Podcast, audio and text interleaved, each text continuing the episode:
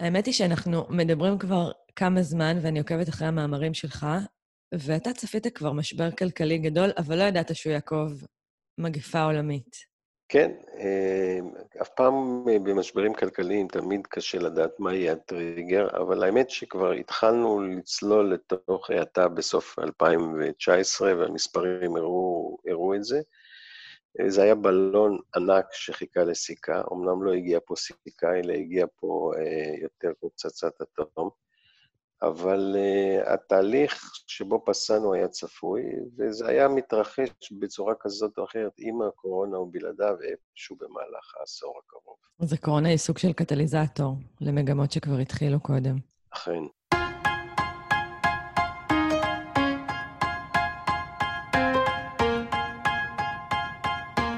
אהלן, ברוכים הבאים לעוד פרק של מעלה בטוב. כנסו לקהילה של מעלה בטוב בפייסבוק. היום, שוב, מרחוק, בחסות הקורונה, אנחנו מקליטים פרק על כסף. את הפרק הזה היינו אמורים להקליט בפורמט אחר, בטוקהאוס בנמל תל אביב, ובחסות COVID-19, גם האירוע הזה בוטל, אבל לא ויתרנו. ואיתנו חנן שטיינרט. אהלן, חנן, מה שלומך? היי, שלום, בוקר טוב. אה, אז חנן הוא עורך דין בהשכלתו, אה, יזם ההייטק, מנהל קרן להשקעות במטבעות קריפטוגרפיים, אה, מתגורר, חולק את זמנו בין עמק הסיליקון לישראל ומחבר את הספר A Brief History of Money. אתה גם מקליט את הפודקאסט כאן אמריקה. כן. אז היום אנחנו נצלול ביחד לאחת ההמצאות האנושיות שכולנו מושפעים ממנה, תלויים בה, רודפים אחריה. המצאה שבעצם החלה לפני 7,500 שנה, אנחנו מדברים על כסף, משחק שהמצאנו, שכללנו, פיתחנו, אבל יחד עם זה גם לא למדנו עליו כלום, לא בבית ספר, ומעטים מאיתנו באמת יכולים להתהדר בהבנה מהותית בו. אז אני מצטטת רגע את הכלכלן ג'ון מיינרד קיינס, שאמר שחקר ההיסטוריה של הדעות הוא תנאי מקדים לשחרור התודעה. בתפיסה שלי, זה התכלית של הפודקאסט הזה, באמת לנסות להתחקות אחרי פרדיגמות שכולנו מחזיקים כאמת אחת צרופה, ולנסות רגע להבין מאיפה זה התחיל, מה המקור לרעיונות האלה, האם זאת האופציה היחידה, וננסה באמת ביחד גם ללמוד קצת על ההיסטוריה של ההמצאה הזאת, האבולוציה הפרדיגמטית שהכסף עבר בדרכו ועד היום, ואולי גם להציץ אה, להווה ולעתיד. אז נתחיל מההתחלה. חנן, מה, ביסס, מה שביסס את התנאים לכסף הראשון זה בעצם המהפכה החקלאית. כן, אז בעצם מה שקרה, כל עוד אנשים חיו כלקטים ונוודים, ולא יצרו עודף, ולא היה להם אה, עושר, אפשר לקרוא לו wealth, אז אה, מה שקרה זה שהם אה, חיו ואכלו ושתו. אבל כאשר התחילה המהפכה החקלאית, הנאוליתית, ונוצרו עודפים, אז כבר היה צורך לשמור את העודפים, לסחור עם העודפים, לעשות משהו מול עודפים של חברות אחרות וכן הלאה. ואז נוצר בעצם צורך אה, למדוד את העודפים האלה, או נקרא להם מעכשיו עושר. אה, כמו שיש לנו היום סרגל שמודד בסנטימטרים מרחק, היה צורך איזשהו סרגל שימדוד את הערך של העושר הזה. אה, פעם אחת שאתה מודד את הערך של העושר, אז uh, יש לך גם אפשרות uh, לכמת אותו, לסחור איתו, להעביר אותו וכן הלאה. ולצורך כך בעצם, אנחנו כמובן לא יודעים היסטורית איך בדיוק זה התחיל, אבל ככה הגיע לעולם הכסף, והכסף הוא, הוא התחיל סביב מתכות, זה התחיל סביב מתכת הכסף, ואחר כך הזהב, שהן מתכות שאין להן שום uh, ערך אינהרנטי, מה שנקרא intrinsic value. היום לזהב כמובן יש קצת ערך בתכשיטים, ולמתכות יש קצת ערכים תעשייתיים, אבל אז עוד לא היה אייפון. והתכונות העיקריות של המתכות האלה, ואגב, בחברות אחרות אה, זה היו דברים אחרים, אפילו לפעמים אבנים שהיו על קרקעית הים. אה, הערך העיקרי שבהם זה היה שאנשים היו מוכנים לקבל אותם בגלל התכונות הפיזיות שלהם, אה, בעיקר נדירות וברות חלוקה, ושזה נשמר לאורך זמן, בגלל התכונות הפיזיות, היו מוכנים לקבל אותם כנציג, אפשר לקרוא לזה, של המוצר עצמו. בעוד שהמוצר עצמו יש לו ערך אינהרנטי, נגיד תפוח, יש לו ערך קלורי, שזה מה שאנחנו בסופו של דבר מגדיר אם נחיה או נמות, אם יש לנו מספיק קלוריות, בין השאר. אז uh, לכסף כמובן אין ערך אינהרנטי, אי אפשר לאכול אותו, אבל אנשים הסכימו לקבל אותו כמוסכמה חברתית שמייצגת את אותם מוצרים בעלי ערך. בעלי הערך האינהרנטי, משום שזה היה סרגל מדידה קל ופשוט, ו- ופעם אחת שיש לך סרגל מדידה, אפשר מפה להמשיך הלאה לעשות את כל שאר הדברים שקשורים לאושר. שוב, זה לחלק אותם, לצרוך אותם, להעביר אותם, לשמור אותם וכן הלאה. כן, ובשלב הזה עוד כסף מייצג בעצם את מה שאנחנו מכירים כסחר חליפין. זאת אומרת, הוא אה, מאפשר סחר חליפין באמצעות הנציג הזה, החדש.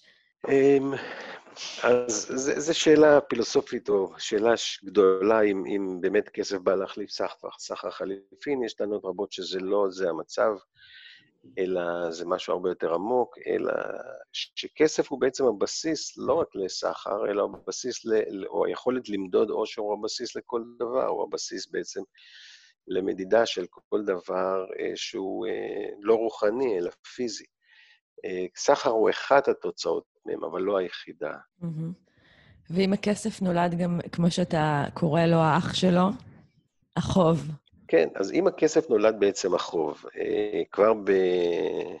בחוקים של חמורבי, שזה בערך בסביבות ה-1800-1900 לפני הספירה, באחד החוקים יש לא באחד, ביותר מחוק אחד, יש התייחסות לכל הנושא של חוב ותשלום ריבית בעד חוב ומה שקורה למי שלא משלם את החוב. והחוב הוא בעצם תוצאה טבעית של התיאור הזה, משום שאם לי היה עודפים, אה, ואת אה, רצית להשתמש בעודפים שלי יש בשביל אה, לגדל שדה חדש של חיטה, אז ככה נוצר החוב. נתתי לך את העודפים שלי, שעכשיו הפכו להיות כסף, ואת עם העודפים האלה קנית אה, זרעים וציוד השקיה והלכת לייצר שדה חדש. אז אה, החוב של אדם אחד היו עודפים של אדם אחר. וזה היה כל כך פופולרי אה, וכל כך נפוץ, גם היה עניין של תשלומי ריבית עבור הסיכון, שבעצם האספקה הכי גדולה של עבדים, אה, בתקופה ההיא במוספוטמיה הייתה עבדי חוב, כלומר אנשים שלא יכלו להחזיר את החוב שלהם והיו צריכים להחזיר אותו באמצעות עבודה, לפעמים גם בני המשפחות והילדים. להלן עבדי חוב, היו עובדים בעד החוב שלהם עד שהחוב הוחזר. וככה הכסף והחוב בעצם מלווים אותנו, אבל חשוב לזכור שתמיד בתקופה ההיא הכסף והחוב, יש ביניהם קשר, כלומר, החוב הוא בעצם כל עודפי הכסף או עודפי השפע שאנשים אחרים היו מוכנים לתת בתור הלוואה, אבל לא היו מייצרים חוב חדש מהאוויר, כמו שקרה בהמשך, ועל זה עוד נגיע. בדיוק, כי חוב הולך להיות אה, נושא מהותי בכלכלה הנוכחית שלנו. אנחנו קופצים אלפי שנים קדימה, בעצם לבנק הראשון, והוא נוצר באיטליה. אז, אז זהו, אז זה, זה לא לגמרי מדויק, כי כבר היו מוסדות בנקאיים, היה אפילו משפחה שקוראים לה גבדי, ומתקופה במוספוטמיה נשארו עשרות אלפי לוחיות חמר שלם, נכתבה ההיסטוריה המוספוטמית, ומסופר שם על משפחה אה, שעסקה במתן אשראי אה, ומסחר, והייתה די דומה למוסד בנקאי ראשוני, mm-hmm. אבל הבנקים הממוסדים יותר באמת צצים באיטליה. אחת הסיבות שיש כזאת קפיצה גדולה, כי הנצרות לקחה מהיהדות את איסור לקיחת ריבית, ובעצם עד המאה ה-14-15 אסור היה לקחת ריבית, וכמובן בלי ריבית, אז כל המוסד של אשראי לא יכול באמת להתפתח. בעצם המוסדות הבנקאיים החדשים מופיעים בסביבות ה-1400. אגב, המילה בנק באה מהמילה האיטלקית ספסל, ששם יושב הבנקאי ועוסק בפריטת כסף וכולי, והמוסדות הבנקאיים הראשונים צצים באיטליה, ובעצם הם בעיקר אשראי למדינות האיטל... האיטלקיות שצריכים כסף למימון המלחמות שלהם. אה, וככה בעצם יש לנו את הבנק, נקרא להם הבנקאים הראשונים, שבעצם הם עוסקים במתן אשראי שהוא הון המניות, או הון שהמשקיעים או הבעלים של הבנק נתנו. כלומר, נגיד רצית לפתוח בנק, העמד לרשותו הון, והם היו מלווים את ההון הזה. אם לצורך העניין אני בעל הון, אני יכול לפתוח בנק, אני משתמש בהון שלי כדי להלוות אותו.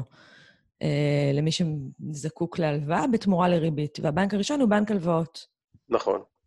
בהון שלך או בהון שגייסת מחברים שלך, אבל בעיקרון הוא בנק הלוואות, הוא לוקח כסף של עצמו או של אחרים ומלווה אותו תמורת ריבית.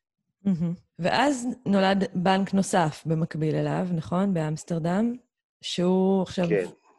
עובד על, על שמירת הכסף שלנו, על הפקדות. זהו, אז ב, בסביבות 1609 כזה נולד ב, באמסטרדם בנק שנקרא The Exchange Bank of Amsterdam, והוא, מה שהוא עשה, באותה תקופה יש הרבה נסיכויות ויש הרבה מטבעות, אה, עוד אין שטרי נייר של ממש. אז יש מטבעות כסף מסוגים שונים, ממתכות שונות, מגדלים שונים, וקשה מאוד לסוחר להעריך אה, מה שווה הכסף שלו בעולם שהוא כל כך decentralized, אם אפשר לקרוא לו היום, עם כל כך הרבה סוגים שונים של מטבעות, שוב, עם משקלים שונים וגדלים שונים ואמינויות שונות.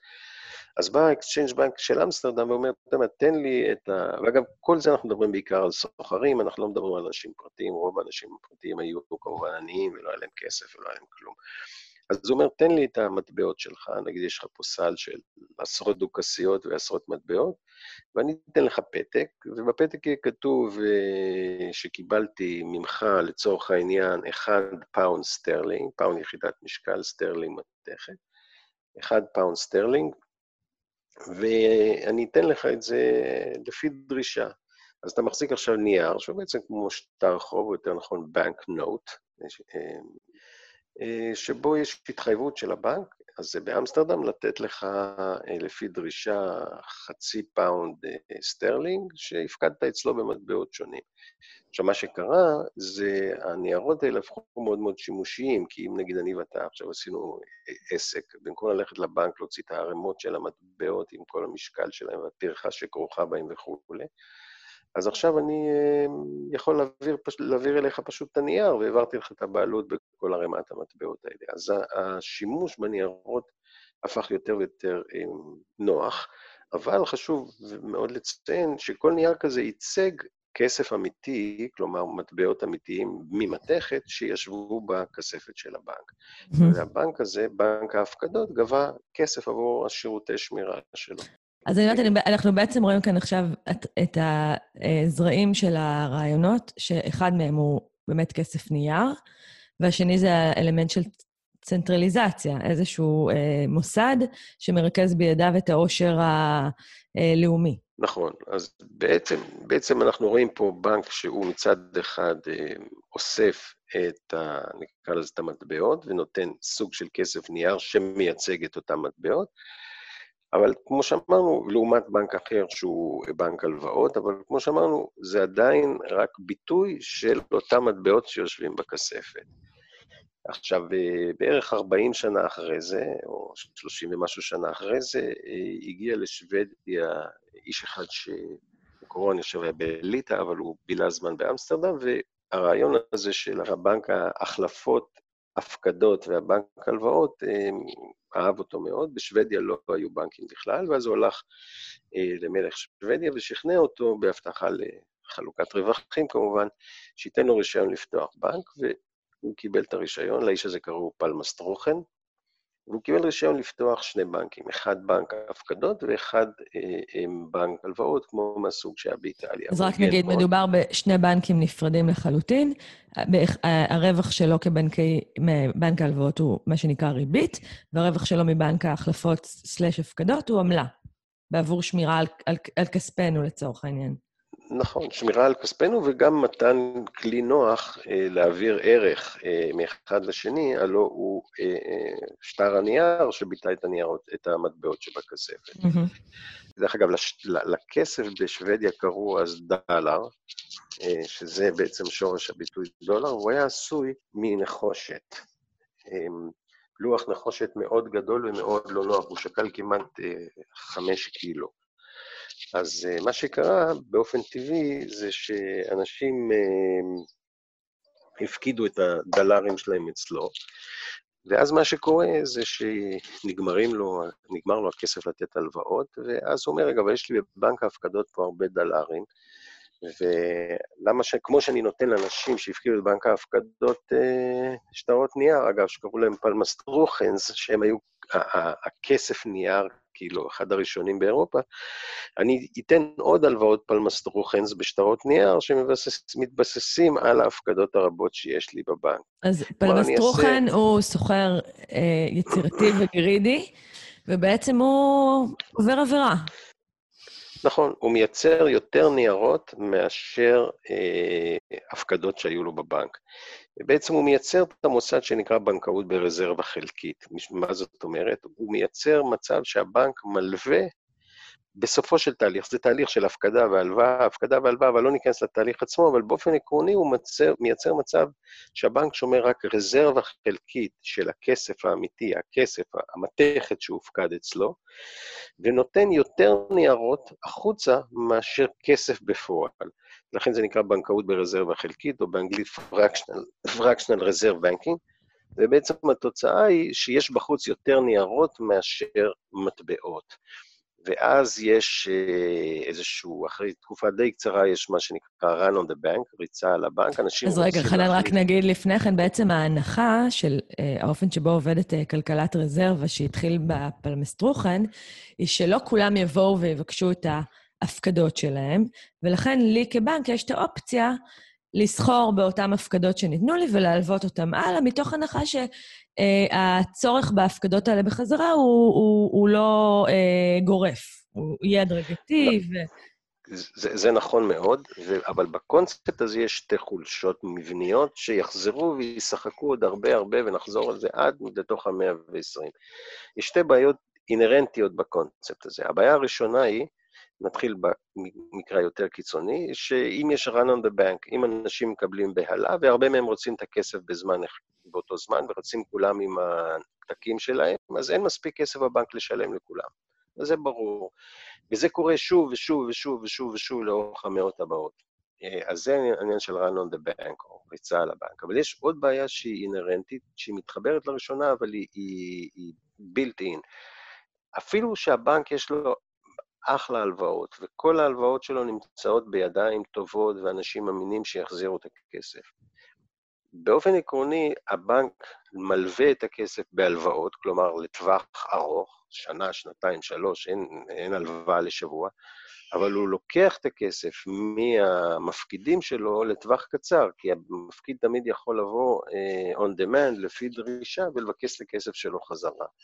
אז התוצאה של הפער הזה בין uh, הלוואה uh, לטווח קצר, זאת אומרת, הלוואה לטווח ארוך והפקדה לטווח קצר, מייצרת בעיה אינהרנטית אה, של יציבות, משום שתמיד יכולים לבוא אנשים לבקש את הכסף, ותמיד לא יהיה לבנק את הכסף, אפילו אם הוא מושקע בדברים טובים. פלמס תוכן ממציא לנו פה המצאה חדשה בתולדות הכסף, שהיא בנקאות ברזרבה חלקית, ועל פיה בעצם נולדת מכונה לייצור כסף שלא הייתה קיימת קודם, אם קודם כל הכסף היו צריכים לכרות אותו מהאדמה, עכשיו בעצם הבנקים יכולים לייצר כסף, והם מייצרים את זה בדמות של חוב. כלומר, זה חשוב לציין, כי כל הכסף החדש, חוץ מזה שהפדרל, או חוץ מזה שהבנקים המרכזיים התחילו להדפיס ממש ממש לאחרונה, כל הכסף החדש בעצם נוצר בדמות של חוב. זאת אומרת, זה ניירות שאין להם ייצוג, אין להם שום בקינג אה, אה, אה בכספות של הבנק. זה פשוט ניירות שהבנק מחליט לייצר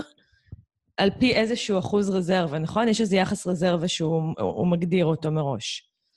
נכון, אז מה שקורה זה לא שאין להם בקינג, יש להם רק בקינג חלקי. תלוי ביחס הרזרבה. עכשיו, זה כמובן לא יפתיע אותך לשמוע שבימים הראשונים של ההמצאה הזאת, יחס הרזרבה היה מאוד מאוד גבוה. וככל שלאורך ההיסטוריה המדינה הולכת ונותנת לבנקים יותר ויותר אה, שטר ביטחון שהיא תעמוד מאחוריהם אם יפשטו את הרגל, אז יחס הרזרבה הולך ויורד. אז, אז הבנקאות ברזרבה חלקית היא בעצם ייצור כסף על ידי הבנקים בדמות של חוב. אבל לכמות ייצור הכסף הזה יש מגבלה, והמגבלה היא א', אה, שיעור הריבית, כי שיעור הריבית מגדיר את הביקוש לכסף, ושתיים, כמו שאמרתי, יחס הרזרבה. ככל שיחס הרזרבה, בין אם זה על פי חוק ובין אם זה מתוך החלטה של הבנק, ככל שיחס הרזרבה יותר גבוה, אז כמות הכסף המיוצר יותר נמוכה. ועדיין הבסיס של כל המערכת המוניטרית היא עדיין המתכות, בעיקר, זה בהתחלה כסף וזהב, אבל ככל שאנחנו נעים לתוך המאה ה-18, ה-1000 וה-1800 ותחילת המאה ה-20, הזהב הופך להיות המטבע העיקרי לצורך העניין הזה, כאילו הנכס העיקרי, ולמרות שיש בנקאות ברזרבה חלקית, הזהב הוא הכסף, וגם מדינות, וכדי להבטיח שהזהב הוא הכסף, גם מדינות בעצם עושות, אפשר לקרוא לזה שטרות ברזרבה חלקית, כלומר, בינתיים כמובן הדפוס הופך להיות פופולרי, והעניין הזה של כסף עובר יותר ויותר לדברים מודפסים, אבל עדיין נגיד על הדולר האמריקאי היה כתוב 10 דולר אמריקאי, ניתן להחלפה למוסר כתב זה לפי דרישה. ואז מה, שקורה, מה שהיה קורה זה שאם למשל המחזיק הדולר האמריקאי הזה היה ניגש לטרז'רי, עוד לא היה אז פדרל רזרב, ונותן את השטר לטרז'רי, הוא היה מקבל 10 דולר זהב.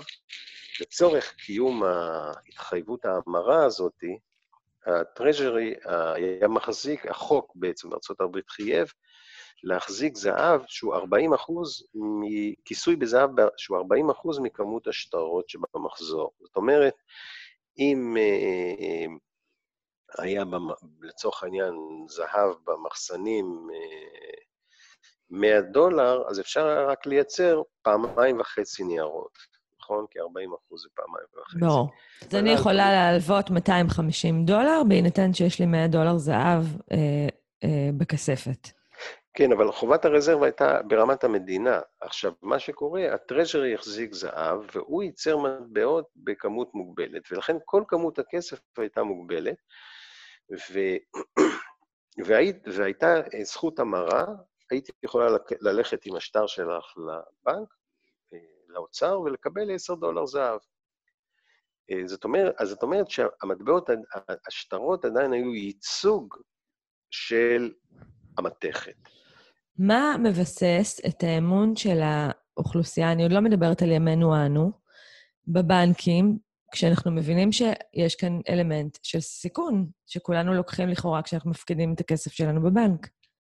האמון הוא באמת חלקי, כי uh, יש סיכון גדול שכשיש ריצה על הבנק, הבנק יקרוס, ואכן בנקים היו קורסים חדשות לבקרים. אז אנחנו מגיעים למלחמת אז... העולם הראשונה, נכון? ו... כן, אז בעצם התקופה שלפני מלחמת העולם הראשונה נקראת סטנדרט הזהב הקלאסי, ובאופן עקרוני לכל המדינות היו שטרות, אה, שהם היו ההילך החוקי של המדינה, חלקם היו מיוצרים על ידי בנקים, חלקם היו מיוצרים על ידי המדינה, וחלקם היו מיוצרים בקומבינציה של שניהם. ו... אבל מה שעמד מאחורי סטנדרט הזהב הקלאסי היה התחייבות מוחלטת של המדינות להמיר את השטרות שלהם בזהב, כולל לבן אדם פרטי, ובעצם לצורך זה הם היו אה, הם מוכנות להגן על רזרבות הזהב שלהם, גם במשחק בריבית וגם בעוד דברים שונים. אז פורצת מלחמת העולם הראשונה, וכשפורצת מלחמת העולם הראשונה, כל המדינות המרכזיות, למעט ארצות הברית, עוזבות את סטנדרט הזהב כדי שהם יוכלו להדפיס כסף.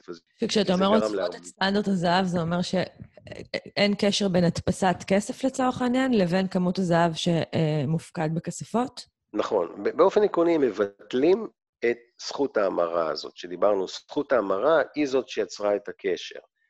עכשיו, ברגע שהם ביטלו את זכות ההמרה, הם יכולים לייצר כמה ניירות שהן רוצות. אה, תקופה בהיסטוריה שאנחנו עוברים לכסף פיאט, אם אני מבינה אותך נכון. נכון.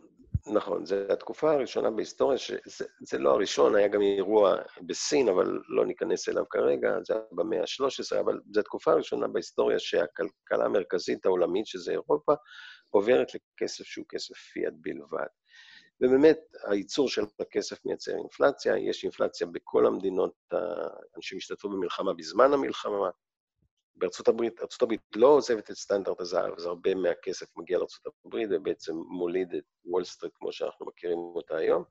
אחרי שמסתיימת המלחמה, יש ניסיונות לחזור לסטנדרט הזהב, אבל אה, שוב, מסיבות שונות לא מצליחים לחזור לסטנדרט הזהב, ובעצם אירופה נשארת אה, בשיטת פיאט, ובארצות הברית עדיין יש סטנדרט זהב.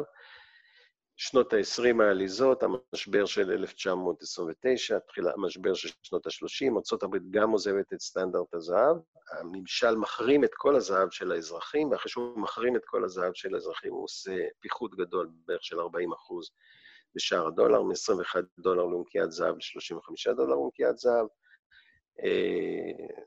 מפה העשר שנים האלה נראים אה, מהירות וכואבות, אבל שחיו אותם הם היו איטיות ומכאיבות, כמו שהעשר שנים הבאות. נראה את ההבדל בין, איך אומרים, בין לחיות משבר לבין לקרוא על משבר. ואנחנו נכנסים למלחמת העולם הראש... השנייה, ובתום מלחמת העולם השנייה, בעצם קורה השלב הבא המשמעותי בהיסטוריה של הכסף, מתכנסים במלון יפהפה, קוראים לו וושינגטון הוטל בניו-המפשר, מתכנסים נציגי המדינות שניצחו את המלחמה ומקבלים את התכתיב האמריקאי, לייצר שיטה מוניטרית חדשה, קוראים לה The Bretton Woods System, ובעיקרון השיטה הזאת אומרת שכל המטבעות בעולם יהיו קשורים לדולר האמריקאי בשער פחות או יותר קבוע, והדולר האמריקאי יהיה קשור לזהב בשער של 35 דולר לאונקיה. לאונקיה. אז בעצם פה מכתירים את ארצות הברית כמעצמה כלכלית עולמית. זאת אומרת, כל המטבעות עכשיו ברפרנס לדולר האמריקאי, ואנחנו מדברים על שנת 1944, ומה שנולד לתוך העולם זה קרן המטבע העולמית והבנק העולמי, ביחד עם ההסכמים. נכון. נכון, אז נולדים קרן המטבע העולמית, הבנק העולמי, ונול, ונולד בעצם הדולר האמריקאי כמטבע הרזרבה העולמי, והדולר האמריקאי הוא, כמו שאמרנו, ב-35 דולר לאונקייה, ויש התחייבות המרה, זה כאילו מבטיח את, את, את, השער, אבל ההתחייבות ההמרה הזאת היא לא לאנשים פרטיים, כמו שהיה לפני מלחמת העולם הראשונה, אלא היא רק לבנקים מרכזיים. כלומר, בנק מרכזי יכול לשלוח דולרים לארה"ב ולקבל זהב תמורתו, ב-35 דולר לאונקייה, וכל שאר המטבעות, כמו שאמרנו, במחיר פחות או יותר קבוע, צמודים לדולר. ויש לנו מערכת אה, מטבע שהיא כאילו מקובעת, ובעקיפין היא גם מקובעת לזהב. היא לא מקובעת כמו שהייתה קודם, אבל היא בעקיפין מקובעת לזהב, ו... והיא מקובעת בינה לבין עצמה. ורק חשוב אולי זה... להגיד כאן, חנן, לפני שאנחנו עוברים הלאה בהיסטוריה, באמת איזה תפיסה יש כאן ברמה הפרדיגמטית, אז בעצם ההסכם הזה הוא נעשה בהשראת הכלכלן שהזכרנו בתחילת הדרך, ג'ון מיינרד קיינס, והוא מאמין בקפיטליזם עם התערבות של המדינה.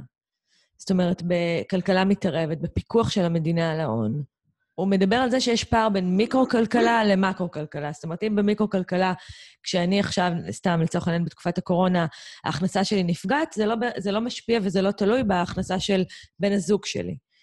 לעומת זאת, כשכולנו צורכים פחות, אז uh, בעלי עסקים uh, לצור... מפחיתים את ה, uh, כמות העובדים, השכר יורד, ואז זה יכול להשפיע על ההכנסה של כולנו. אז כוחות השוק uh, uh, במקרו מתנהלים אחרת מאשר כוחות השוק במיקרו, ולכן הוא, טוען שיש צורך באיזושהי uh, התערבות, ולא להשאיר את השוק חופשי לחלוטין.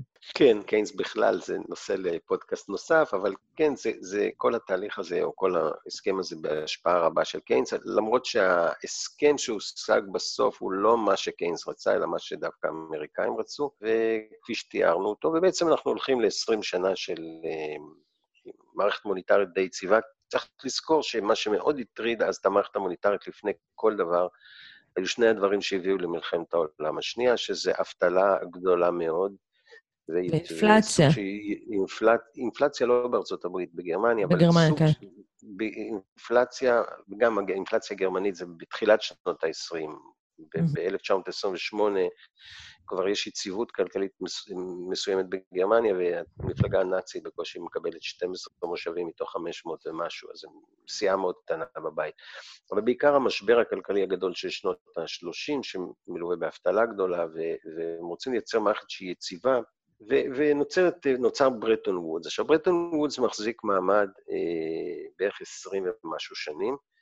אה, בשנות ה-60, בסביבות 67-8, קורים שני דברים. אחד, אמריקה מתחילה להוציא הרבה מאוד כסף, גם בגלל המלחמה בווייטנאם וגם בגלל תוכניות חברתיות חדשות שג'ונסון עושה אחרי הרצח של קנדי, אה, והממשלה נכנסת לגירעונות, לא מזכיר בשום צורה את הגירעונות של היום, אבל הגירעונות האלה יצרו עוד כסף ש...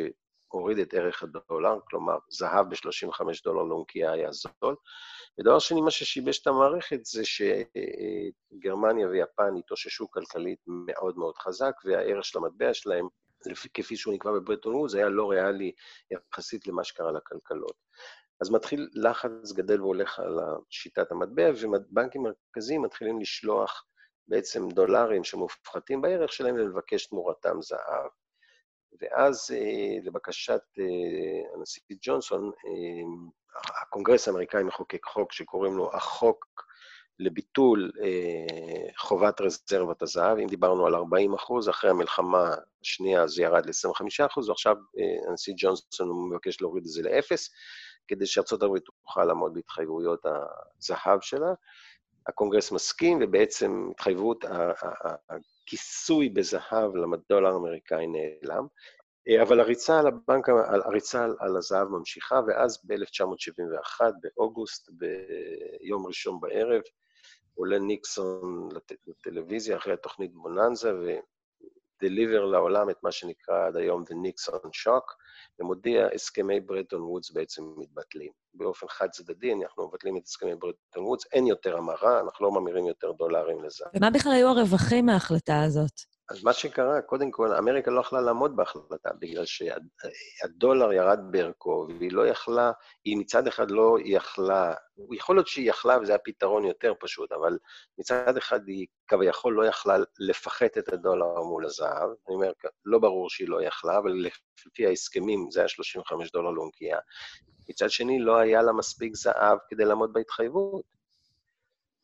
ב-35 דולר לאונקייה, הזהב היה נגמר במרתפים. לא היה לה מספיק זהב לעמוד בהתחייבות, כי הדולר ירד בערכו. אז או שהיו צריכים לפחת את שער הדולר.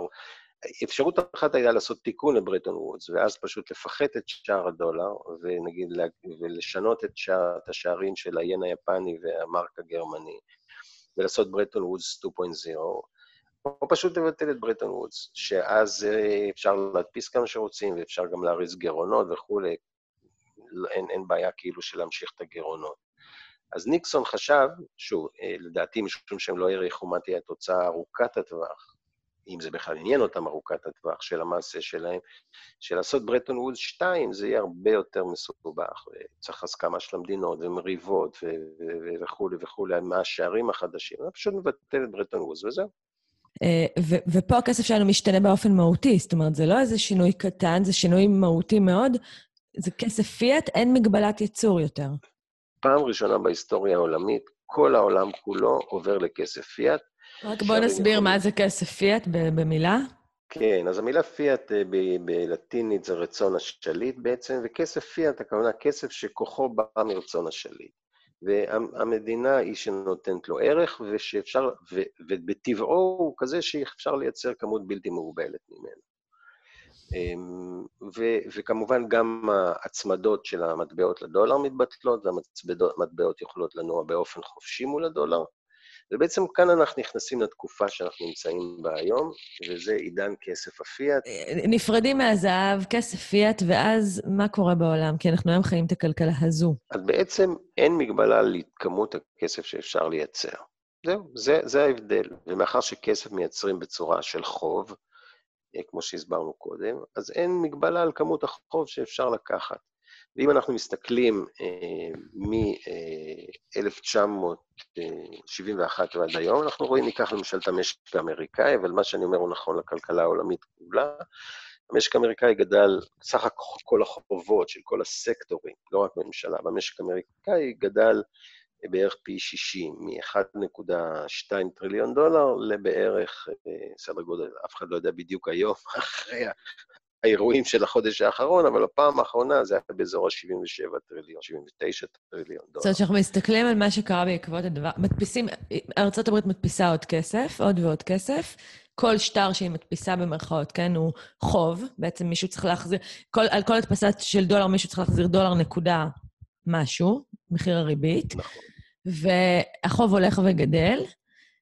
ולצד זה, מה שאנחנו רואים בגרפים, זה לכאורה, כאילו, מה שמראים לנו, זה שהצמיחה גם גדלה, נכון? אז אה, אוקיי, אז בואו נחלק את זה לשניים. קודם כל, זה לא רק ארה"ב, זה קורה בכל העולם. החוב העולמי היום עומד על מעל 250 טריליון דולר, כל הכלכלות העולמיות חייבות בערך 250 טריליון דולר. ישאל השואל, ובצדק, טוב, מה זה משנה? אז הן חייבות. למי הן חייבות? ומה קורה אם לא משלמות, על זה נדבר עוד שנייה, כי זה בדיוק מה שהולך לקרות בשנים הבאות. אבל uh, החוב העולמי עומד היום על 255 טריליון, והחוב בארצות הברית, לדעתי, כבר קרוב ל-78-79 טריליון. Uh, ו- ובעצם מה שקורה, הדבר השני שאמרת שיש צמיחה. צמיחה לא נולדה בגלל החוב. היה, אם אתה מסתכל למשל על uh, 75 שנה, מ-1850 ועד 1900, עד, עד פרוץ מלחמת העולם הראשונה, אתה רואה שהייתה בתקופה ההיא צמיחה יותר גדולה, GDP פר קפיטה בארצות הברית מאשר היום. הצמיחה היא לא תוצאה של החוב, ההפך, ככל שהחוב גדל, הצמיחה קטנה. יש יחס, זה, זה נשמע מוזר, בעיקר לקנסיאנים ולבנקאים מרכזיים ולמי שאמון על התורה הכלכלית של היום, אבל המספרים הם חד משמעיים. ניקח לדוגמה את העשור האחרון, מ-2008 ועד היום. בעשור הזה החוב גדל בקצב הכי גדול שלו, והצמיחה הייתה הכי אנמית מכל ריקאברי או מכל התאוששות מאז מלחמת העולם השנייה. שוב, למה יש לזה, זה, זה דיון שלא בפני, דיון אחר, אבל אין ספק שהצמיחה, ככל שהחוב גדל, הצמיחה הולכת באופן יחסי וקטנה, לא גדלה. זאת אומרת, יש יחס הפוך בגידול בחוב והגידול בצמיחה. זאת אומרת, גם אם אנחנו רואים בגרף גידול בצמיחה, כי, כי אנחנו כן רואים לכאורה גידול בצמיחה, בעצם הפער מול החוב הולך וגדל. הגידול של החוב הוא הרבה יותר אה, מואץ. נכון, אז שוב, המשמעות היא שאתה לעולם לא תוכל לשלם את החוב שלך. כי אם למשל, אנחנו ניקח לדוגמת המספרים של שנה שעברה, אם הכלכלה האמריקאית גדלה בערך ב-800 ביליון דולר, והריבית על החוב, נגיד של 75 טריליון, שניקח את זה כמו שזה היה, נגיד שהריבית על שלוש, הממוצעת, הכלל משקית, היא 4 אחוז, אז זה 3 טריליון, אז אתה צריך לשלם בריבית בערך 3 טריליון. אבל אתה בעצם מייצר בריבית, או מייצר בצמיחה, שזה אקוויבלנט לריבית, רק 800 ביליון. אז אתה אפילו בקושי מייצר שליש, בוא נגיד לצורך העיגול של המספרים, אתה מייצר שליש מהריבית על החוב שלך. אז ברור שאין לך שום דרך להחזיר את זה, אלא אם כן אתה מגדיל את החוב, אתה מחזיר את הריבית מעוד חוב. עכשיו, ברור שזה דרך ללא מוצא. אתה לא יכול, אם אתה לא מסוגל לשלם אפילו את הריבית על החוב שלך רק מחוב חדש, אתה לוקח חוב חדש, הריבית עליו תהיה עוד יותר גדולה, בטח לא תוכל לשלם. רק שיכול להיות שהמאזין שמאזין לנו כרגע אומר, מה זה קשור אליי? בסדר, זה חוב של המדינה, בוא נסביר איך זה כן קשור אלינו. איך החוב הזה בעצם מגיע אלינו, לפתחנו, מושת אלינו האזרחים. אז קודם כל, זה לא חוב של המדינה, זה טעות שכל הזמן אנשים חוזרים אליה. כשאני מדבר על 70 ו... 8 טריליון דולר חוב של המשק האמריקאי, זה של כל המשק. החוב של המדינה מתוך זה הוא רק 24 טריליון. אז קודם כל, רוב החוב הוא לא, של, הוא לא חוב של המדינה. נגיע עוד מעט לחוב של המדינה גם, אבל רוב החוב הזה הוא חוב של חברות, של אנשים פרטיים, של סטודנט לונס, כרטיסי אשראי, מכוניות, משכנתות, אשראי צרכני, אשראי לחברות, אשראי חובות של המדינות בארצות הברית, וכן הלאה וכן הלאה וכן הלאה. עכשיו, איך זה מגיע אליך? נגיד, בואו נעשה את זה פשוט, נגיד ש... בלי להיכנס לספציפיות, אבל נגיד שחברה ישראלית שעוסקת בדלק חייבת הרבה מאוד כסף והיא לא יכולה להחזיר אותו. נגיד. אז האגרות, אז האגרות חוב של הפנסיה שלך שמושקעות אצלה, בחברה הזאת, לא ישולמו. כל חוב הוא נכס של מישהו, זה צריך להבין. אם המדינה חייבת, למי היא חייבת? נניח בארצות הברית היא חייבת בערך שלושה טריליון דולר לביטוח לאומי. הכסף של ביטוח לאומי, כמו בישראל, אני חושב, אבל בארצות הברית בברור, הכסף של הביטוח לאומי לא נשאר בקופה במירכאות של הביטוח לאומי, הביטוח לאומי מלווה אותו למדינה. כאשר המדינה צריכה לשלם את תשלומי ביטוח לאומי, כאשר ביטוח לאומי צריך לשלם את תשלומי ביטוח לאומי, הוא צריך לקחת חזרה מהאוצר את הכסף הזה. שבארצות הברית זה כאילו הלוואה של האוצר ל-social security. אם האוצר לא יכול לשלם את ההתחייבויות שלו, או ישלם אותם בכסף מודפס שהערך שלהם הרבה יותר נמוך, אז ברור שהביטוח לאומי לא יוכל לשלם לך את ה-social security שלך. זאת אומרת, מאחר שכל חוב, יש רק שני נכסים שאין להם counterparty, זה זהב וביטקוין. חוץ משני הנכסים האלה, כל נכס יש לו counterparty. אם צד אחד לא יכול לעמוד בהתחייבות שלו, אז הצד שני לא מקבל את הזכויות שלו. ככה זה מגיע לפנסיה שלך. אז מה שקרה מאז ההפרדה מהזהב זה אחד, החובות הלכו וגדלו, וזה משפיע על כולנו, ותכף ניגע בזה, איך נשחק מעמד הביניים, איך הכסף שלנו נשחק, אנחנו, אה, כמו שאתה אומר, איך נשחק את הפנסיה שלנו וכיוצא באלה. והדבר השני שאתה מראה היטב, זה שחלוקת העושר השתנתה. כן, אז מה שקורה בעצם, כאשר אתה מייצר כסף בכמויות נרחבות, אז יש, יש לזה הרבה תופעות לוואי. בואו נתחיל בתופעת לוואי אחת, והיא, ואני מדבר כרגע על ארה"ב, כי שם אני מכיר את המספרים היטב, אני מניח שבשינויים המחויבים, הרבה רלוונטי גם ביחס לישראל, אבל אני לא מכיר מספיק, ואני בטח לא מכיר את המספרים לדבר. אז הדבר הראשון שקורה, למשל, בארצות הברית, מאחר שהיא יכולה להדפיס כמה דולרים שהיא רוצה, ומאחר שהסינים מוכנים לקבל את הדולרים האלה בתור תשלום עבור הטלוויזיות הצבעוניות שלהם, אז מה שקורה, מאזן המסחרי בארצות הברית משתנה מן הקצה לקצה. ארצות הברית הייתה עד 1975, הייתה מדינה שהיה לה עודף ייצוא על יבוא. היה לה יתרון, היה לה אה, אה, אה, עודף שוטף במאזן המסחרי שלה, באופן קבוע. מ-1975, זו השנה האחרונה שבה לארה"ב יש עודף במאזן המסחרי, והוא הולך ונהיה יותר ויותר, והפערים נהיים... זאת אומרת, ארה"ב מייבאת יותר ממה שהיא מייצאת. סכומים גדולים, מדובר כן. ב... תלוי בשנה, זה סדרי גודל מצטברים, זה בערך 12 טריליון דולר מאז, 12-14 טריליון דולר מאז. עכשיו, הכסף הזה, שאמריקה כאילו מדפיסה אותו בצורת חוב, הולך לסין, ומאפשר לקנות מסין טלוויזיות בזול וג'ינסים בזול. אז כולם מבסוטים, הפועלים בסין מוכנים לקבל את הדולרים האמריקאים בתור אמצעי תשלום, אחלה, ואמריקה בתמורה מקבלת, בתמורה לניירות האלה, מקבלת טלוויזיות בזול וג'ינסים בזול. אז לכאורה כולם מבסוטים. אממה, כמו שאומרים. כל אלה שבארצות הברית ייצרו לפני זה טלוויזיות וג'ינסים, עכשיו הם בלי עבודה. וככה בעצם נולד הנפילה הענקית של כל מעמד העובדים, לא כל, אבל רוב רובו של מעמד העובדים בארצות הברית, ממש לדיספר וייאוש, וכל התופעות, שטראמפ הוא אחד מהם, נובעות אה. משם.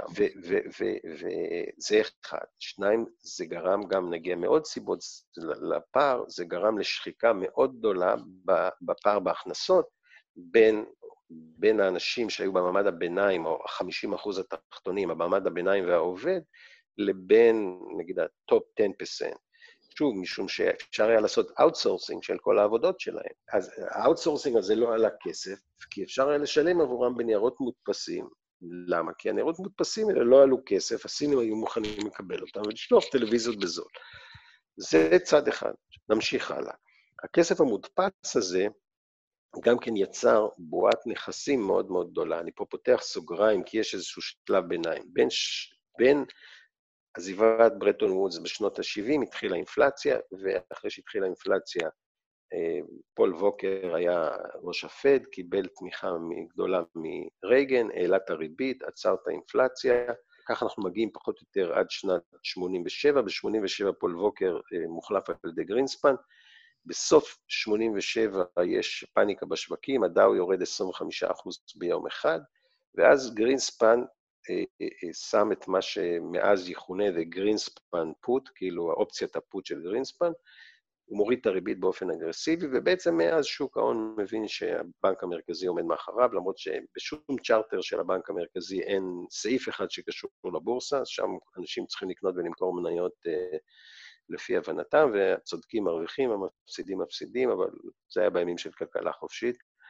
ובעצם מהיום שנולד הגרינספן פוט, מתחיל הורדה של הריבית באופן מתמשך, מהשיאים של פול ווקר, עד בעצם לאפס בזמן ברננקי. וההורדה הזאת אה, מאפשרת אה, הרבה מאוד כסף לוול סטריט, הרבה מאוד כסף למשחקים פיננסיים, והיא מעלה, יוצרת בועת נכסים ענקית, שגם היא תורמת לפערים בין הכנסות. שני שליש בערך מה top 1% הם ה executive בוול סטריט, זאת המנכ"לים, סמנכ"לים בוול סטריט, והשכר שלהם, אם בשנות, השלוש, בשנות ה-70 היחס בין השכר של המנכ"ל לשכר של העובד הממוצע בחברה היה 1 ל-30, היום זה בערך 1 ל-360.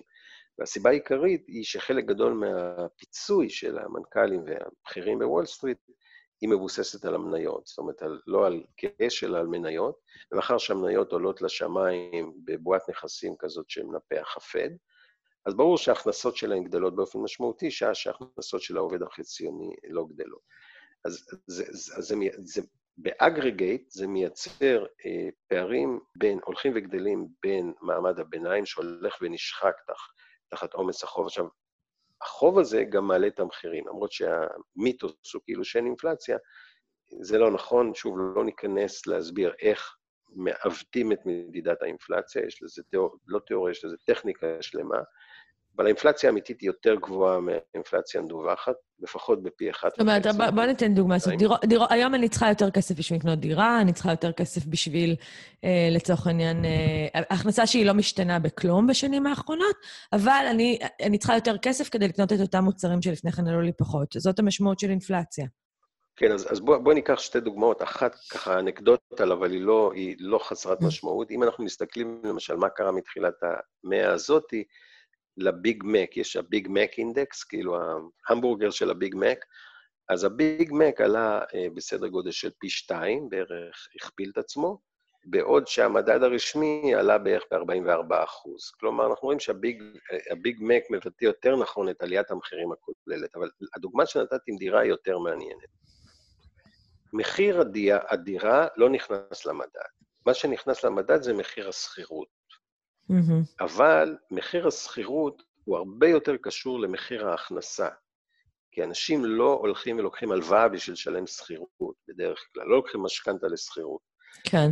אז יש קור... קורלציה מאוד, יש, כן. יש יחסית קורלציה ישירה בין מחיר השכירות באגרגייט. לא זאת אומרת, אפשר לראות מצב עניינים שבו לצורך העניין מחירי הנדל"ן עולים, אבל התשואות של המשקיע הולכות ופוחתות, כי השכירות תישאר נניח, שם לא נראה שינוי משמעותי. נכון, אז יש מספרים מאוד ספציפיים, נגיד בארצות הברית, יש מחיר השכירות הוא פחות או יותר חצי מאשר העלייה של מחיר הנדל"ן, בגלל בועת הנכסים הזאת שאני מתאר. אז בעצם מה שנכנס למדד זה מחיר השכירות. אבל אם את רוצה לקנות דירה, אז בעצם חלק מההתייקרות הזאת לא נכנסת במדד הפורמלי. אבל בעצם מה שקורה זה, אם נחזור לתמונה הגדולה, בעצם מה שקורה זה שהרמת, בגלל שהמחירים עולים, למשל אם אתה לוקח בארצות הברית את השכר לימוד באוניברסיטאות, עלה פי שלוש, אם אתה לוקח ביטוח רפואי, עלה פי ארבע, לא נדבר על 30 אחוז, באחוזים עצומים. אם אתה לוקח את ה-big ticket items, אתה רואה שהם עלו בפי שתיים מהמדד לפחות, לפעמים פי שלוש ופי ארבע. אז מה שקורה, מעמד הביניים, ובוא נגיד, הבוטם 75%, שזה הרוב, נכנסים, שוקעים יותר ויותר בחובות, יותר ויותר בדיספר. אז יש לנו היום 1.6 טריליון דולר, שזה חובות של סטודנטים לקולג'. זה הכל דברים חדשים. זה, זה קשה להבין, זה קשה להאמין, אבל סטודנט לונס לא היה קיים באמריקה לפני 20, לא שלא היה המוסד, המוסד היה קיים לפני 20 שנה, אבל הוא היה נון אישו. אני צריך להבין, זה, זה ממש מייצר שיעבוד, כי אם אני כסטודנט, רק בשביל ללמוד אני כבר חייב כסף, אז מן הסתם אני חייב לעבוד אחר כך בעבודה הזאת כדי להחזיר את הכסף הזה, ואני כבר כאילו כל חיי בסוג של עבדות, אני כבול. נכון, נכון. אני אגיד לך יותר מזה, יש היום social security, תשלומים לביטוח לאומי שמעוקלים על ידי הממשלה בגלל student loans. אוקיי? פנסיונרים שיוצאים לפנסיה ומקבלים ביטוח לאומי, שהכסף של הביטוח הלאומי שלהם מעוקל בגלל ה student loans שלהם. אחרי זה יש לנו, אז יש לנו student loans שזה 1.6 טריליון. רוב הפשיטות רגל בארצות הברית עד עכשיו היו תוצאה של חובות לתשלומים להוצאות רפואיות. בגלל שהביטוח הרפואי כל כך יקר וההשתתפות העצמית כל כך גבוהה. כל זה זה דברים חדשים, אנשים שלא מכירים את המספרים באמריקה ולא חיו באמריקה. לפני 20 שנה זה לא היה. זה לוחץ מטה-מטה את ה-75 אחוז. בשביל זה אנחנו רואים תופעות כמו טראמפ, בשביל זה אנחנו רואים תופעות כמו ברני סנדרס, ועוד לא הגענו ל-2020. ומצד שני, ה top 10% וה top 1%, שעיקר הנכסים שלהם זה מניות, והמניות צומחות וצומחות בגלל בועת האשראי הזאת. אצלהם החיים הם... אה, דבש, משגשגים. אז, אז רק, רק ננסה להסביר את זה. זאת אומרת, ב-70, ו... וצריך להגיד, כי אולי צריך לעשות כאן הפרדה בין... אנחנו יכולים לתפוס את המצב כרגע ככאילו מחירי הקפיטליזם, אבל לא בהכרח קפיטליזם חייב להיראות ככה. בעצם מה שסיפרנו, במאה ה-20 אפשר לראות כל מיני סוגים של התנהלות קפיטליסטית.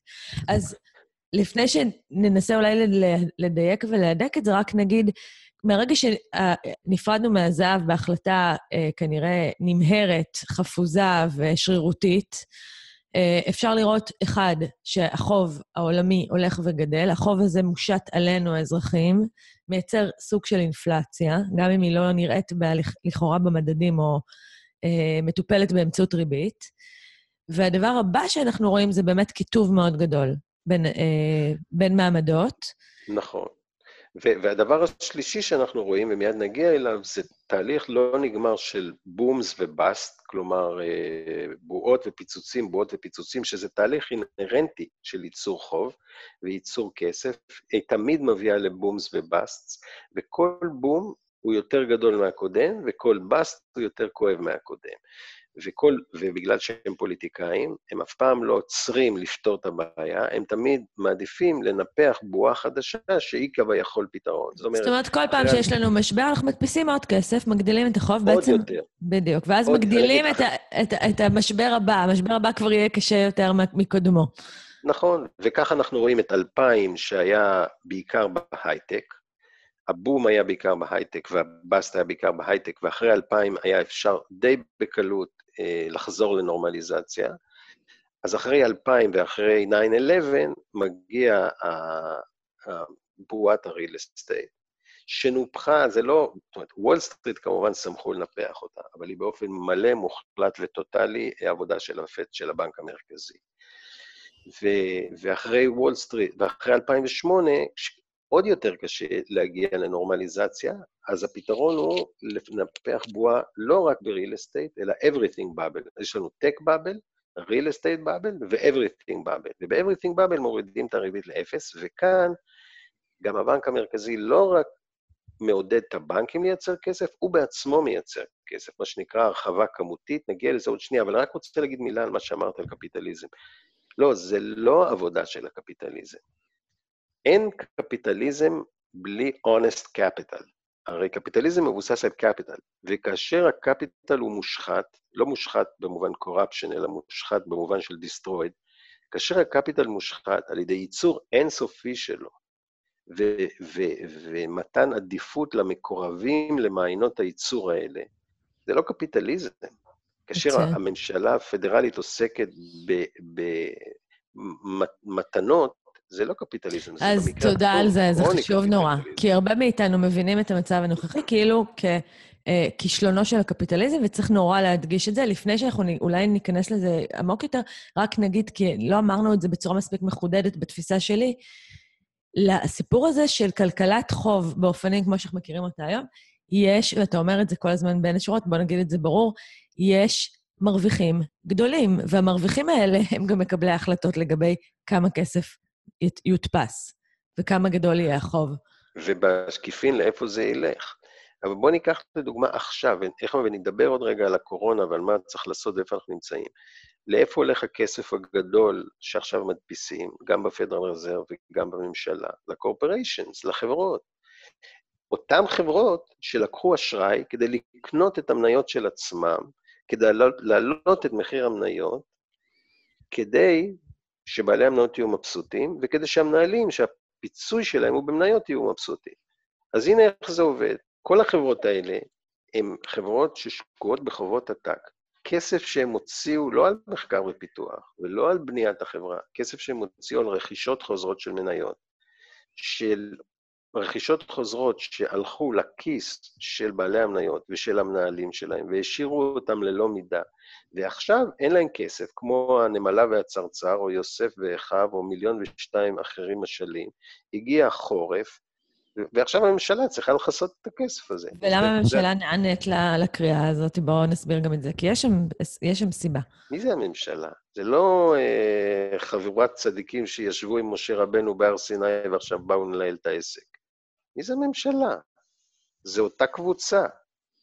זה, זה, זה אנשים שלהם הם תורמים קמפיין uh, contributions. כאילו, אנחנו רגילים לחשוב על הממשלה בצורה של דגל מתנפף והלב uh, מתרונן. כל הסיפור הזה שאנחנו חיים באיזושהי אה, אה, תפיסה כוזבת, שיש ריבון, אנחנו בעצם נתנו לו מנדט, אנחנו בחרנו בו, והוא דואג לאינטרסים שלנו, מתערער כשנכנסים למחילת הארנב הזאת שנקראת... אה, אה, כסף, כלכלה, ואז בעצם מה שאנחנו רואים זה כמה דברים שאנחנו מזהים, אוקיי? בעצם מספרים לנו, אל תדאגו, אנחנו נדאג לכם במשבר הזה, אנחנו נדפיס כסף, נזרים אותו. בפועל, מזרימים אותו לחברות ש... שהן בעלות אינטרסים ומנהלות קשרים כאלה ואחרים של הון שלטון.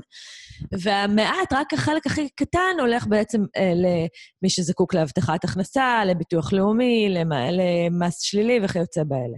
נכון, ו, ו, אבל חשוב עוד פעם להזכיר, כי זו נקודה ממש ממש חשובה. אנשים אומרים, הממשלה תיתן, הממשלה תציל, הממשלה תעשה. לממשלה אין כסף. זהו. אין דבר כזה. לממשלה, היא לא מייצרת כלום. הממשלה היא גוף שלא מייצר שום דבר.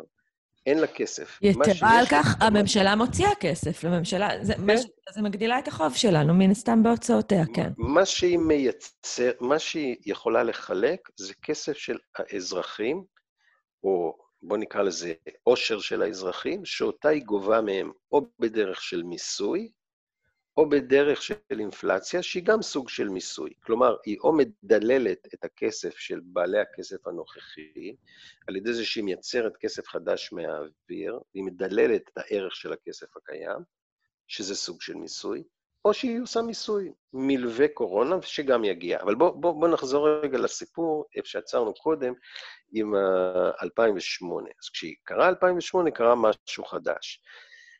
הוא לא, הוא לא, בוא נגיד, הוא חדש אה, לא ברמה הטקטית, אבל ברמה הכמותית האסטרטגית, וזה החוות הכמותיות. הבנק המרכזי בארצות הברית הגדיל את המאזן שלו, שזה לשון נקייה לומר, הוא הלך והדפיס כסף וקנה חוב ממשלתי וגם חובות של מה שנקרא mortgage back securities, שזה האגרות חוב שהיו כאילו מגובות משכנתאות, שזה הנכסים הרעילים שהיו אצל הבנקים כתוצאה מ-2008. ובעצם הוא הגדיל את ה... קראו לזה הרחבה כמותית, QE, Quantitative Easing, וזה היה Quantitative Easing 1, ואחר כך Quantitative Easing 2 ו-3, ועכשיו יש ריפו, ואחר כך היה ריפו שזה לא Quantitative Easing, ועכשיו יש Quantitative Easing ללא כמות, כאילו ללא, ללא גבול.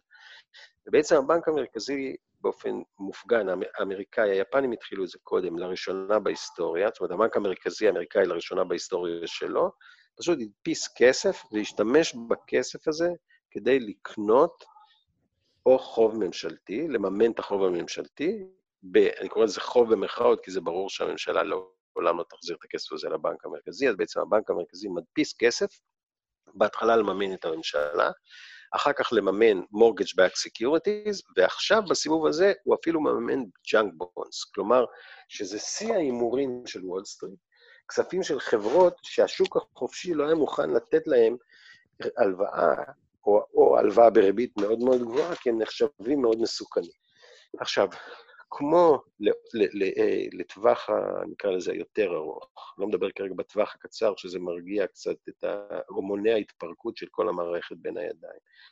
בטווח הארוך, כמו ש-2008 וההדפסה המסיבית שאחריה לא הביאה, אה, לא הביאה שפע אמיתי ולא הביאה צדק חברתי ולא הביאה פריחה אלא ל-10 או 15 אחוז למעלה, מה שעכשיו, בדיוק באותו תהליך, ייצור עוד נזקים עוד יותר גדולים בהמשך. אבל עכשיו אני רוצה רק שאלה אחת שבטח רצית לשאול, רגע, אבל זה הכל הקורונה, מה אתה מדבר פה על הדברים האלה?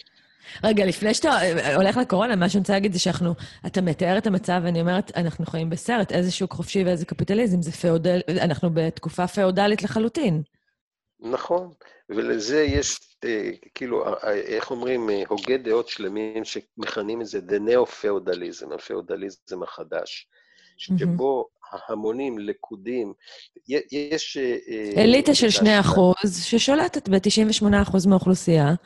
לא, זה יותר כמו פירמידה, אז יש אליטה של למעלה, ואחר כך יש, נגיד בשלב הבא של הפירמידה יש קבוצה יותר גדולה וקבוצה יותר גדולה ופנסיות תקציביות, כאילו זה לא winner takes it all וכל השאר כלום, אלא אתה, אתה יורד לאורך המדרג, אבל בוא נגיד, כשאתה עובר את, העשור, את העשירון העליון ומתחיל להיכנס לעשירון השני, זה הולך ונשחק, וכשאתה נכנס לעשירון השלישי זה כבר נעלם.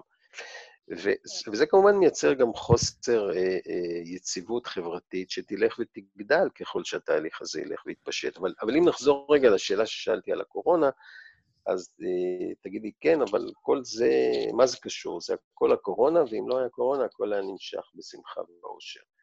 אז, אז על זה אני אומר, מי שלא ראה את הבועה, בעצם גם לא פלא שהוא לא רואה אה, את הפיצוץ שלה, ומי שלא רואה קיר, גם כשהוא נכנס בה, הוא לא מבין במה הוא נתקע.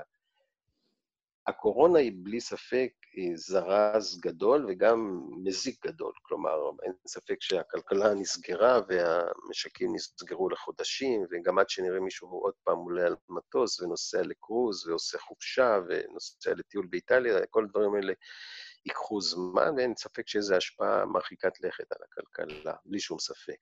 אבל הקורונה, כפי שלמדנו, היא בעיקר פוגעת באנשים מוחלשים ובעלי אה, מחלות רקע. היא תפסה את הכלכלה העולמית בכלל, ואמריקאית בפרט, בנקודת זמן שהיא בדיוק הקורבן הקלאסי שלה. בלי שום רזרבות ליום צרה, בלי שום אה, אה, אה, הכנה, לא רק הכנה ברמה הארגונית וכל הקטע הזה, שאליו אני לא נכנס, אני לא מרגיש שאני מבין בזה מספיק בשביל אפילו לחוות דעה אינטליגנטית, אבל מבחינת התשתית הכלכלית, ברור שהיא פגשה חולה מאוד מאוד מוחלש, שבזבז את כל העתודות שלו על רכישות חוזרות של מניות ועל צרכנות יתר בלתי נגמרת. והוא שקוע בחובות, ואם נחזור למשל של יוסף והשבע שנים השמנות והרזות, אז הקורונה פגשה את מצרים בלי שיוסף נתן לה עצות איך להתכונן עם בשבע שנים השמנות. אז האפקט של הקורונה, שבכל מקרה היה קשה, לא שהוא לא היה קשה בכל מקרה, בכל מקרה היה קשה, הוא נהיה הרבה יותר קשה בגלל שהוא גרם להתפוצצות של הבועת חוב הזאת, אגב, שהייתה קורית בכל מקרה בעשור הקרוב, כן. עם הקורונה או בלעדיה. כן. כן, וצריכים להבין קורונה כגזירת גורל, לצורך העניין, זה משהו שאנחנו מכירים, שקורה לאורך ההיסטוריה, זאת אומרת, יש כל מיני פורס מז'ורים, וכמו שאנחנו במשק הפרטי שומרים כסף טוב ליום שחור, אנחנו היינו מצפים מאיתנו כחברה לעשות את זה. אז דווקא בגלל שאתה מסכם בזה, כי יכולנו לגמור את זה בפסימיות גמורה, אה, ובכלל, מהרגע שהתחלתי ללמוד את הנושא הזה בצורה כזו, והרבה באמצעותך, באמת, האנרגיה הולכת ופוחתת. ויחד עם זה, במאמר האחרון שקראתי, או אחד האחרונים שקראתי שאתה העלית בגלובס, ככה הפכת מעט אופטימיות, במובן הזה שלפחות יש אלטרנטיבה. אפשר להגיע למנהיגות יותר אחראית, ואתה סיפרת את הסיפור אה, מ-1920 עם הנשיא וורן הרדינג, שבעצם נכנס לכהונה קצרה, ולפי מה שאני מבינה, גם לא כל כך מוצלחת ב, אה, אה, בראי ההיסטוריה, אבל כן משהו באופן שבו התנהל מבחינה כלכלית, אה, אולי שווה ללמוד ממנו ולהציג אותו, אה, והוא נכנס לתקופה עם משבר כלכלי מאוד גדול בארצות הברית, בדומה להיום, עם אה, אה, רקע של אה, מגפה השפעת הספרדית, ואתה רוצה להמשיך מכאן, לספר לנו מה בעצם הוא עשה? כן, אז, אז אני אספר על, על uh, מה שקרה, קוראים לזה המשבר הנשכח של 1920, אבל לפני זה אני, אני רוצה לומר משהו על, ה, על הפסימיות וכל זה. אז אני מסכים איתך, כלומר, uh, אני חושב שזה ריאליות, אבל לא פסימיות. זאת אומרת, uh, בשביל שלא יירשם uh, כאילו שרק על, על, על pessimistic note we're ending, לפני שניגש לסיפור של המשבר של 2020, אני אומר שיש פתרון, אבל והפתרון הוא מצריך בעצם כמה דברים. הוא מצריך מחיקה מסיבית של החובות והתחלה חדשה. אגב, בסוף נגיע לזה, רק פשוט נגיע לזה, כמו שאמר פעם צ'רצ'יל לאמריקאים, שעל, על, על האמריקאים, שהאמריקאים בסוף עושים את הדבר הנכון אחרי שהם ניסו את כל הדברים הלא נכונים. אז אנחנו נגיע לזה בסוף, וזה מורכב ממחיקה מסיבית של החובות.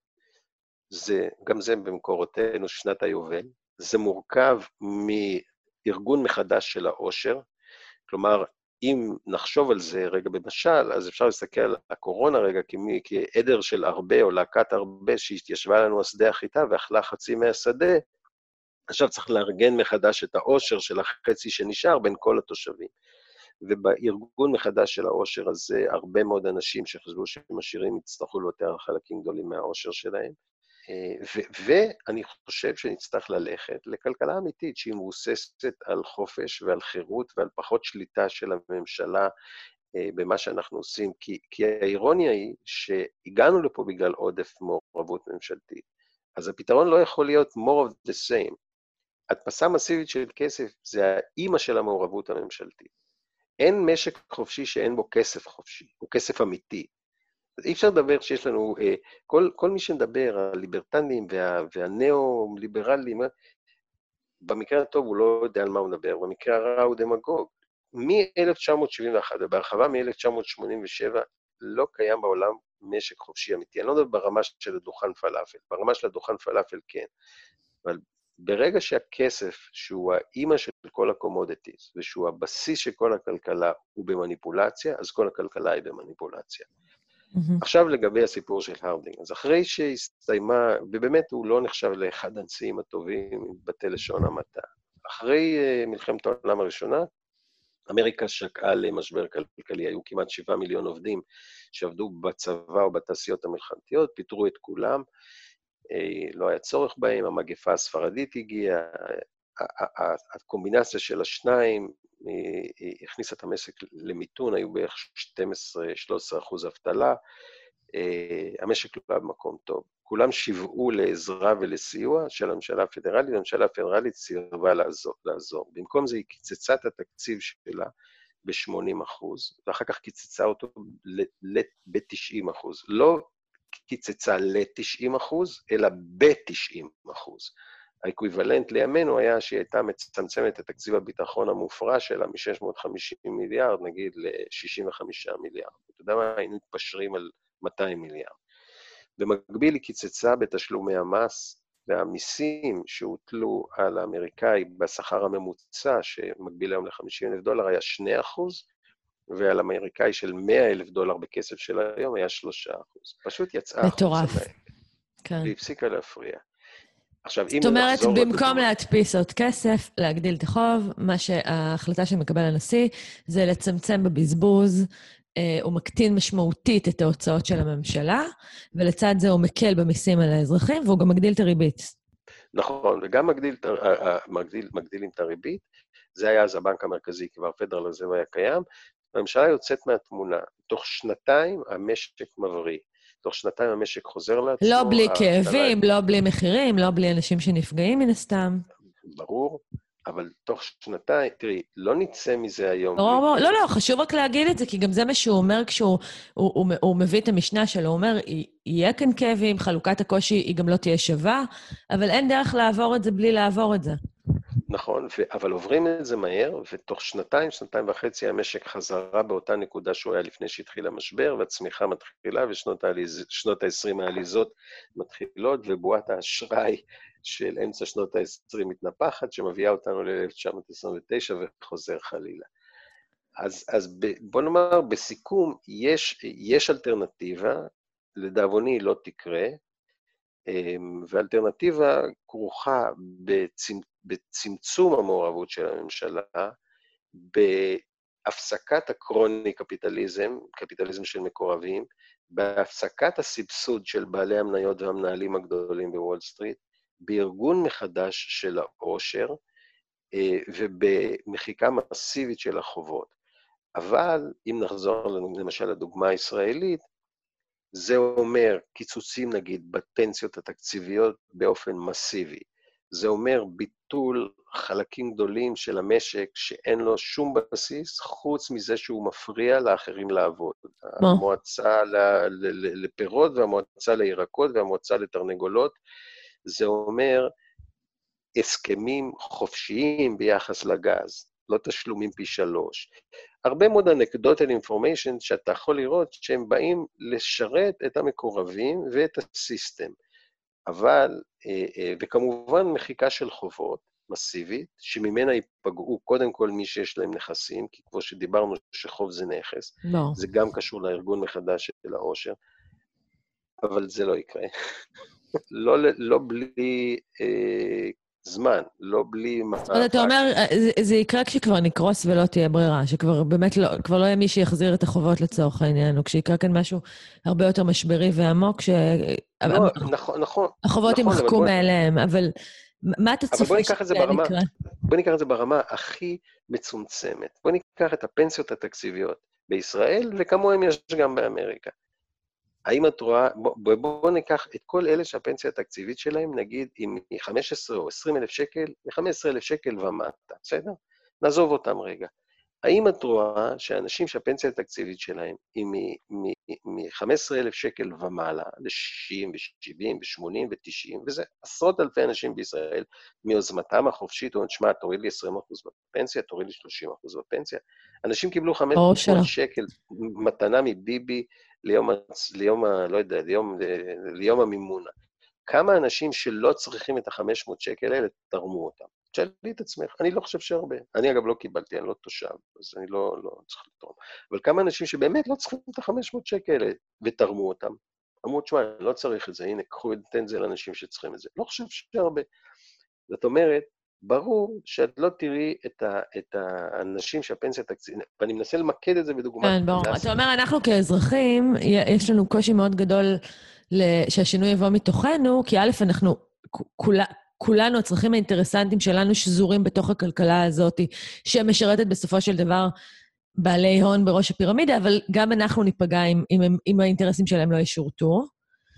אה, אז מה כן? איך אפשר לעשות שינוי? זה מאוד תיאורטי להגיד, שמע, צריך לעשות, צריך לעשות. אוקיי, ואתה אדון, אדון איקס, שהפנסיה התקציבית שלך, שהשתחררת, נגיד, מהצבא בגיל 45, אתה עכשיו בין, אה, מתכונן לחיות עוד 40 שנה, והפנסיה התקציבית שלך היא פי 4, 5 ו-7 מהמורה שהשתחררה ממשרד החינוך, ואתה תהיה מוכן להוריד את הפנסיה התקציבית שלך, נגיד, ב-20 אחוז, כדי לעזור לחברה לצאת מהמשבר הזה? אני, אני לא חושב שהתשובה לזה, תקבלי הרבה כן לשאלה הזאת.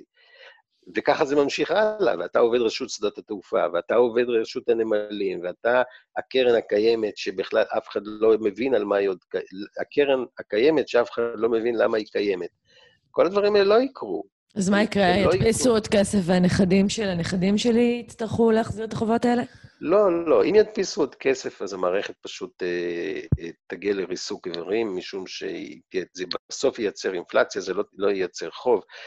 מה שיקרה לדעתי בסוף זה ש...